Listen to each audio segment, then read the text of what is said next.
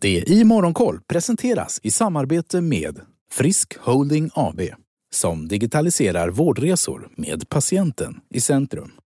Teckna deras nyemission idag för att vara med och modernisera vården. Läs mer på sajten friskholding.se. Och frisk det stavas med Q. F-R-I-S-Q. friskholding.se.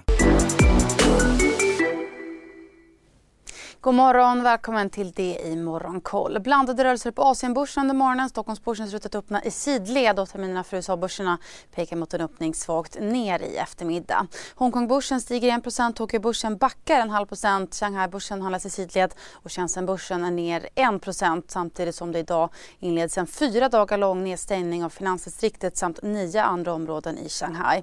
Oron över de kraftiga coronautbrotten i Kina ska, över att detta ska minska efterfrågan på olja pressar också oljepriset idag. Brentoljan backar runt 2,5% och kostar drygt 114 dollar fatet. Samtidigt så har de jemenitiska Houthi-rebellerna meddelat att en tre dagar lång vapenvila nu ska inledas efter fredagens attack mot en av Saudi Aramcos oljeanläggningar i Saudiarabien. Den japanska yenen fortsätter samtidigt att försvagas mot dollarn till sin lägsta nivå på sex år idag efter att den japanska centralbanken meddelat att man kommer köpa en obegränsad mängd tioåriga obligationer till en fast ränta på 0,25 procent.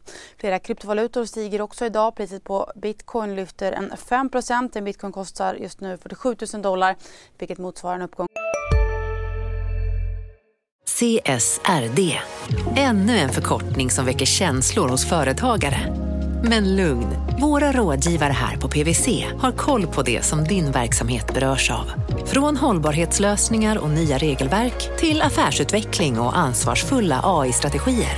Välkommen till PWC. På drygt 40 procent sen botten på knappt 33 000 dollar i januari. Och idag så väntar en ny runda av fredsförhandlingar mellan Ryssland och Ukraina i Turkiet. Enligt den ukrainska presidenten Volodymyr Zelensky är Ukraina redo att deklarera sig neutralt, överge sin strävan att ingå i Nato samt lova att inte utveckla kärnvapen om Ryssland drar tillbaka sina trupper och Kiev får säkerhetsgarantier. Den amerikanska tioåringen har lyft ytterligare fem punkter under morgonen idag och står nu i 2,53 procent. Samtidigt så har gapet mellan den amerikanska femårsräntan och 30-årsräntan minskat. Båda står nu i runt 2,60 procent vilket, vilket ses som ett tecken på minskad tillväxt till följd av Feds räntehöjningar, rapporterar Bloomberg. Joe Biden väntas lägga fram ett förslag om en ny lägsta skattenivå som främst riktar in sig mot miljardärer när han idag presenterar sin budget för 2023. Skatten kallas Billionaire Minimum Tax och skulle innebära en skatt på 20% för amerikanska hushåll med en förmögenhet på över 100 miljoner dollar. Och så till Sverige och gruvbolaget Endomines som meddelar att man inte kommer verkställa den aviserade fusionen med dotterbolaget Endomines Finland. Däremot så kommer man försöka slutföra flytten av Endomines säte till just Finland. Och marknadsundersökningsbolaget Sints operativa chef Andrew Ellis har köpt 16 500 aktier i bolaget för drygt 1,5 miljon kronor. Idag så är det ganska tunt eh, på agendan. Vi håller dock ett öga på ABB som handlas utan rätt utdelning och på danska ballastvattenbolaget Bavat som gör premiär på First North. 8.45 är det också Börsmorgon. Klockan 14 är det också Börskoll. Missa inte det. CSRD. Ännu en förkortning som väcker känslor hos företagare. Men lugn, våra rådgivare här på PWC har koll på det som din verksamhet berörs av. Från hållbarhetslösningar och nya regelverk till affärsutveckling och ansvarsfulla AI-strategier. Välkommen till PWC. Hej, Synoptik här.